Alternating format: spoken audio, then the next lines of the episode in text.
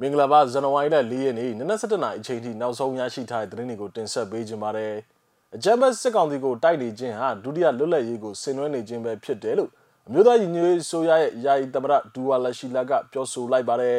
။အကြမ်းဖက်စစ်ကောင်စီကစစ်အာဏာသိမ်းပြီးတဲ့နောက်မှာတော့84နှစ်မြောက်လွတ်လပ်ရေးနေ့ကိုမကျင်းပကြကြောင်းသိရပါတယ်။စတဲ့သတင်းအကြောင်းအရာတွေကိုသတင်းတောက်ကျွန်တော်ထွန်းထွန်းဝင်းကတင်ဆက်ပေးကြပါမယ်။ ပထမဆုံးအနေနဲ့တင်ဆက်ပေးခြင်းတဲ့သတင်းကတော့မြို့သားညီညွတ်ရေးအစိုးရယာယီသမ္မတဒူဝါလက်ရှိလာကအကြမ်းဖက်စစ်ကောင်စီကိုတိုက်နေခြင်းဟာဒုတိယလွတ်လပ်ရေးကိုဆင်နွှဲနေခြင်းနဲ့ညီမျှကြောင်းကိုဒီကနေ့ဇန်နဝါရီလ၄ရက်နေ့မှာကြာရောက်တဲ့84နှစ်မြောက်လွတ်လပ်ရေးနေ့ခမ်းနားမိန့်ခွန်းမှာထည့်သွင်းပြောဆိုခဲ့ခြင်းပဲဖြစ်ပါတယ်ဒီအချိန်မှာတိုင်းရင်းသားပြည်သူတွေအနေနဲ့ရွေးချယ်စရာနီလန်တနီလန်ပဲရှိပါတယ်ပြည်သူအလုံးညီမျိုးစုံပါဝင်ဆွေးနွေးလက်ရှိတဲ့ပြည်သူခုခံတော်လှန်ရေးစစ်ကိုပါပါဝင်ဆွေးနွေးဖို့ပဲရှိပါတယ်ဒါဟာ ဒုတိယလွတ်လပ်ရေးတိုက်ပွဲကိုဆင်နွှဲခြင်းနဲ့ညီပါတယ်လို့ယာယီသမ္မတဒူဝါလရှိလာကပြောဆိုခဲ့ပါတယ်ဒီကနေ့ဇန်နဝါရီလ၄ရက်နေ့မှာကြာရောက်တဲ့84နှစ်မြောက်လွတ်လပ်ရေးနေ့မိန့်ခွန်းကိုယာယီသမ္မတဒူဝါလရှိလာက၎င်းရဲ့လူမှုကွန်ရက်စာမျက်နှာကနေတဆင့်မိန့်ခွန်းပြောကြားခဲ့ရမှာထည့်သွင်းပြောဆိုခဲ့ခြင်းပဲဖြစ်ပါတယ်ဆက်လက်ပြီးတော့ယာယီသမ္မတဒူဝါလရှိလာကအကြမ်းဖက်စစ်ကောင်စီနဲ့ပတ်သက်ပြီးတော့260အတွင်းမှာစစ်တပ်ကအာဏာသိမ်းမှု၄ချိန်တိတိအာဏာသိမ်းဗိုလ်ကြားခဲ့ပြီးတော့ ဖက်စစ်စိတ်တဲ့ကိုတေးဥဖော်ပြခဲ့ပြီးဖြစ်ပါတယ်2021ဖေဖော်ဝါရီလ1ရက်နေ့ဆီယနာသိမ်းမှုကတော့တမိုင်းတလျှောက်မှာရုပ်ဆိုးဆုံးအကျဉ်းနယ်ဆုံးဖြစ်ပြီးတော့နေ့စဉ်နဲ့အမျှလူမဆန်တဲ့နီးပေါင်းစုံနဲ့ပြည်သူကိုအကြမ်းဖက်နှိပ်စက်တပ်ဖြတ်မှုတွေပြုလုပ်ပြီးတော့စစ်ရာဇဝတ်မှုများကျူးလွန်နေတဲ့ဆိုတာပြည်သူများနဲ့နိုင်ငံတကာပါသိရှိပြီးဖြစ်ပါတယ်အကြမ်းဖက်စစ်တပ်ဟာတပ်မတော်ဆိုတဲ့အမည်နာမကိုယူရန်ထိုက်တန်ခြင်းမရှိတော့ဘဲပြည်သူရန်သူအကြမ်းဖက်သမားများအဖြစ်ရော့ကျတပ်ဆင်းသွားပြီဖြစ်ပါတယ်လို့ထပ်မံပြောဆိုခဲ့ပါတယ် အကြမ်းဖက်စစ်ကောင်တွေခေါင်းဆောင်တွေဖြစ်ငြိမ်းချမ်းရေးဆွေးနွေးဖို့ဖိတ်ခေါ်ခြင်းဟာနိုင်ငံရေးစစ်ရေးနဲ့နိုင်ငံတကာရေးတို့မှာရှုံးနေခြင်းဖြစ်ပြီးတော့နိုင်ငံရေးရထပ်ပေါက်ရှာဖို့အတွက်အချိန်ဆွဲနေခြင်းသာဖြစ်တယ်လို့ဆိုပါတယ်။အဲ့ဒီနောက်မှာတော့အကြမ်းဖက်စစ်ကောင်တွေရဲ့နိုင်ငံရေးရ2023ခုနှစ်မှာကျင်းပမဲ့ရွေးကောက်ပွဲဟာမူမမှန်တဲ့ရွေးကောက်ပွဲတစ်ခုသာဖြစ်ပြီးတော့တော်လိုင်းတွန်းဆုပ်စေဖို့အတွက်သာဖြစ်တယ်လို့ပြောဆိုလိုက်ပါတယ်။ထပ်မံပြီးတော့အကြမ်းဖက်စစ်ကောင်တွေရဲ့ခေါင်းဆောင်များနဲ့ပတ်သက်ပြီးတော့ ပြည်သူသွေးစွန်းနေတဲ့စစ်ရာဇဝတ်ကောင်တွေဟာနိုင်ငံရေးဇပွဲဝိုင်းကိုပို့ရမှာမဟုတ်ဘဲနဲ့ပြည်တွင်းပြည်ပရာဇဝတ်ခုံရုံးကိုသာပို့ရမှာဖြစ်တယ်လို့ယာယီသမ္မတဒူဝါလာရှိလာကဆိုပါတယ်အကြမ်းဖက်စစ်တပ်ဟာနိုင်ငံရေးမှာပတ်သက်စရာမလိုတော့ကြောင်းကိုနားလည်ခံယူထားတဲ့တမ်းမှုတပ်သားများကိုလည်းအမျိုးသားညီညွတ်ရေးဆိုရကကြိုဆိုလျက်ရှိကြောင်းကိုလည်းပြောဆိုခဲ့ပါသေးတယ်နှစ်ပေါင်း60အတွင်းလေးချိန်တိတိအာနာသိန်းယူဘူချစိုးမှုခဲ့ခြင်းအပြင် စစ်အုပ်စုဟာသူတို့ရဲ့အချမ်းဖက်ဖက်စစ်တစ်ကိုဖော်ပြခဲ့ပြီးဖြစ်ပါတယ်2020ခုနှစ်ဖေဖော်ဝါရီလတရက်နေ့စစ်အာဏာသိမ်းမှုကတော့တမိုင်းတစ်လျှောက်အယုတ်ဆူအကြီးတန်းဆုံးဖြစ်ပြီးနေ့စဉ်နဲ့အမျှလူမဆန်တဲ့နေပေါင်းစုံတဲ့ပြည်သူကိုအချမ်းဖက်နှိပ်စက်တပ်ဖြတ်ကစစ်ရာဇဝတ်မှုများဆက်တိုက်ကျူးလွန်နေတယ်ဆိုတာကတော့ပြည်သူများကို နိုင်ငံတကာကပါသိရှိပြီးဖြစ်ပါတယ်အချမ်းဖက်စစ်တပ်ဟာလေတပ်မတော်ဆိုတဲ့အမည်နာမကိုခံယူရန်ထိုက်တန်ခြင်းမရှိတော့ဘဲပြည်သူရန်သူအကြံဖက်သမားများအဖြစ်ရောကြသက်စင်သွားခဲ့ပြီလေဖြစ်ပါတယ်ဒီချိန်မှာတိုင်းသားပြည်သူတွေအနေနဲ့ရွေးချယ်စရာတလန်းပဲရှိပါတယ်ဒါကတော့ပြည်သူအလုံးနှီးမျိုးစုံနဲ့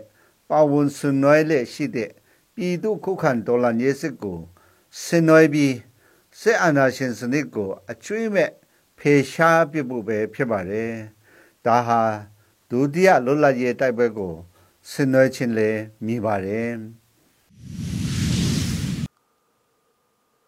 ဆလာဗီတင်ဆက်ပေးခြင်းတဲ့တင်ကတော့ရန်ကုန်မြို့နေရာနှံ့ပြမှာဒီကနေ့ဇန်နဝါရီလ၄ရက်နေ့2022ခုနှစ်မှာကြာရောက်တဲ့84နှစ်မြောက် လွတ်လပ်ရေးနေ့ထိမ့်မှတ်ပွဲတွေဟာကျင်းပမဲ့သူကင်းမဲ့လျက်ရှိနေတယ်လို့မြေပြင်သတင်းပေးပို့ချက်တွေအရသိရပါတယ်။အကြမ်းဖက်စစ်ကောင်စီရဲ့စစ်အာဏာမသိမ်းခင်အချိန်ကလွတ်လပ်ရေးနေ့မရောက်ခင်တရက်လိုကပင်လွတ်လပ်ရေးနေ့အထိမ်းအမှတ်နေဖြစ်ရက်ွက်များမှာဘောလုံးပြိုင်ပွဲများပြုလုပ်လျက်ရှိနေကြတာပါဇန်နဝါရီလ၄ရက်နေ့ရောက်တိုင်းနည်းနည်းအစောပိုင်းမှာအပြည့်ပြိုင်ပွဲများကိုကျင်းပလေ့ရှိကြတော့လဲယခုချိန်မှာတော့အဆိုပါပွဲများကိုမတွေးရှိရဘဲနဲ့လမ်းမများပေါ်မှာတွာလာနေကြတဲ့ကားများနဲ့ ရက်ွက်လမ်းကြားများထဲမှာလှုပ်ရှားနေကြတဲ့ဈေးသည်ချုပ်ကသာတွေ့မြင်ရတယ်လို့ဆိုပါတယ်အရင်ကဆိုရင်ဘောလုံးပွဲတွေဆိုဇန်နဝါရီလ3ရက်နေ့ညနေဘက်တည်းကပွဲလုပ်တယ်၄ရက်နေ့မနက်ဆိုကျန်းတဲ့အသင်းတွေကစက္ကန့်ရက်ွက်မှာစုကြီးအတွက်အလှငွေတွေကောင်းတဲ့အခုတော့ဘာမှမလုပ်ဖြစ်ဘူးလေသိတဲ့အတိုင်းပဲဘယ်သူမှလည်းလွတ်လပ်တဲ့အနေအထားမှမရှိတာလို့တောင်တကုံမြို့ရဲ့ရက်ကွက်တစ်ခုမှနေထိုင်တဲ့လူငယ်တဦးကဆိုပါတယ်ဇန်နဝါရီလ၄ရက်နေ့မှာရက်ကွက်တွင်းမှာရှိတဲ့လမ်းကျယ်များနဲ့အာလုကောက်ပြိုင်ပွဲထုတ်စည်းတို့ပြိုင်ပွဲ တာတိုအပြည့်ပြိုင်ပွဲစတဲ့ရက်ကွက်လူကြီးများကစီစဉ်ပေးကကလေးငယ်များကပျော်ရွှင်စွာဝင်ရောက်ရှင်ပြိုင်လေးရှိကြတာပါလက်ရှိအချိန်မှာတော့ကလေးငယ်များပုံမှန်စုဝေးစော့ကစားတဲ့အတန်များကိုသာရက်ကွက်တွင်းမှာကြားရတယ်လို့မြောက်ကလာပါမြို့နယ်တွင်းမှာနေထိုင်သူသူကဆိုပါတယ်အရင်ကအားပေးတန်တွေကလေးတွေပြောလို့အော်နေကြတန်တွေစူညံနေတာပဲဒီနေ့မတိုင်ခင်ကထုံးတွေစီးတွေဘာတွေဆွဲထားကြတာဒါပေမဲ့လည်းဒီနေ့တော့တန်မှန်နေ့တစ်နေ့လိုပဲဖြတ်သန်းနေကြတာပဲလို့၎င်းကဆိုပါတယ် အဲ့ဒါအပြင်အင်းစိန်ထောင်ရှိဘယ်ဘက်နဲ့ညာဘက်ချမ်းများမှာဟိုတစုဒီတစုများစောင့်ဆိုင်နေကြသူများလည်းရှိပါတယ်စောင့်ဆိုင်နေသူများထဲမှာအချို့ကယနေ့လူငင်းဖြစ်လွတ်မြောက်မယ်လို့အကြောင်းကြားခံရတာကြောင့်လာရောက်စောင့်ဆိုင်နေကြသူများနဲ့မြည်သည့်အကြောင်းတစုံတရာမကြားရှိရတော့လဲလွတ်မြောက်နိုင်မလားဆိုတဲ့မျှော်လင့်ချက်တွေဖြစ်လာရောက်စောင့်ဆိုင်နေကြသူတွေလည်းရှိပါတယ်လာရောက်စောင့်ဆိုင်နေသူတို့ကသတင်းတွေမှာလွတ်မဲ့ဆိုတာတော့မဖက်ရမကြားရဘူးအခုဒီရောက်တော့လဲဒီကအဆောက်ကိုမေးတော့လဲမသိဘူးပြောတယ် ငါငါနဲ့အဖမ်းခံထားရတာဆိုတော့တိတ်တော့လဲမမျော်လင်းရဲပေမဲ့လွတ်မလားဆိုပြီးတော့လာဆောက်နေတာပါလို့ဆိုပါတယ်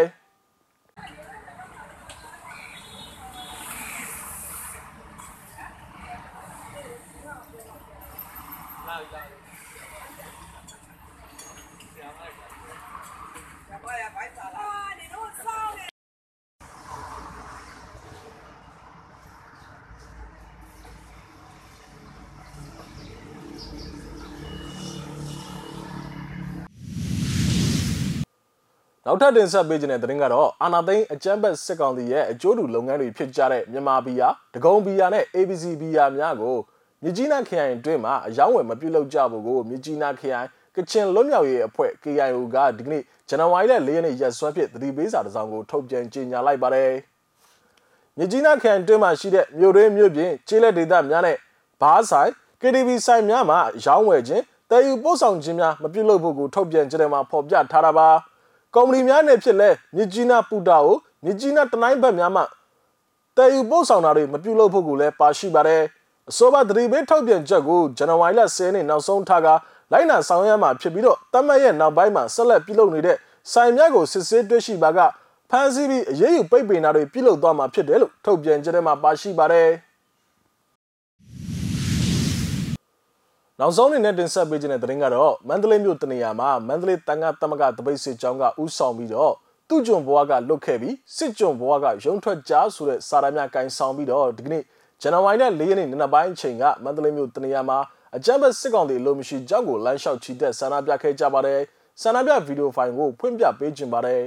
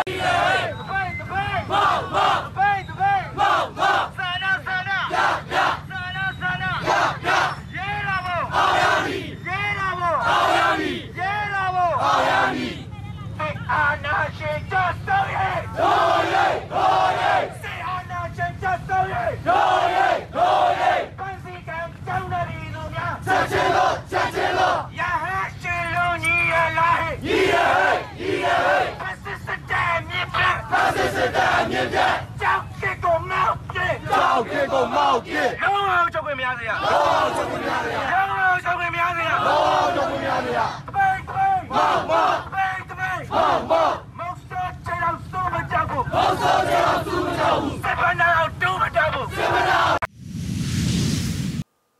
ဟုတ်ကဲ့ပါဇန်နဝါရီလ၄ရက်နေ့ညနေ7:00နာရီချိန်ထိနောက်ဆုံးရရှိထားတဲ့သတင်းတွေကိုကျွန်တော်တို့မျိုးစိမှာဝိုင်းတော်သားများကနေပြီးတော့တင်ဆက်ပေးခဲ့တာပါမြန်မာပြည်နဲ့မှာနေထိုင်တဲ့မိဘပြည်သူတွေအကုန်လုံးဘေးရန်နဲ့ကင်းရှင်းကြပါစေလို့ဆုမကောင်းတောင်းရပါတယ် လက်ရှိဖြစ်ပေါ်နေတဲ့ COVID-19 ကရောတပ်ပြီးအထူးကူးဆိုင်ကြဖို့ကိုကျွန်တော်တို့မျိုးစိမှာဝိုင်းတော်သားများကတိုက်တွန်းလို့ဆိုကြပါတယ်နောက်ထပ်ရရှိလာမယ့်သတင်းတွေအတူတူကျွန်တော်တို့ပြန်လာခဲ့ပါမယ်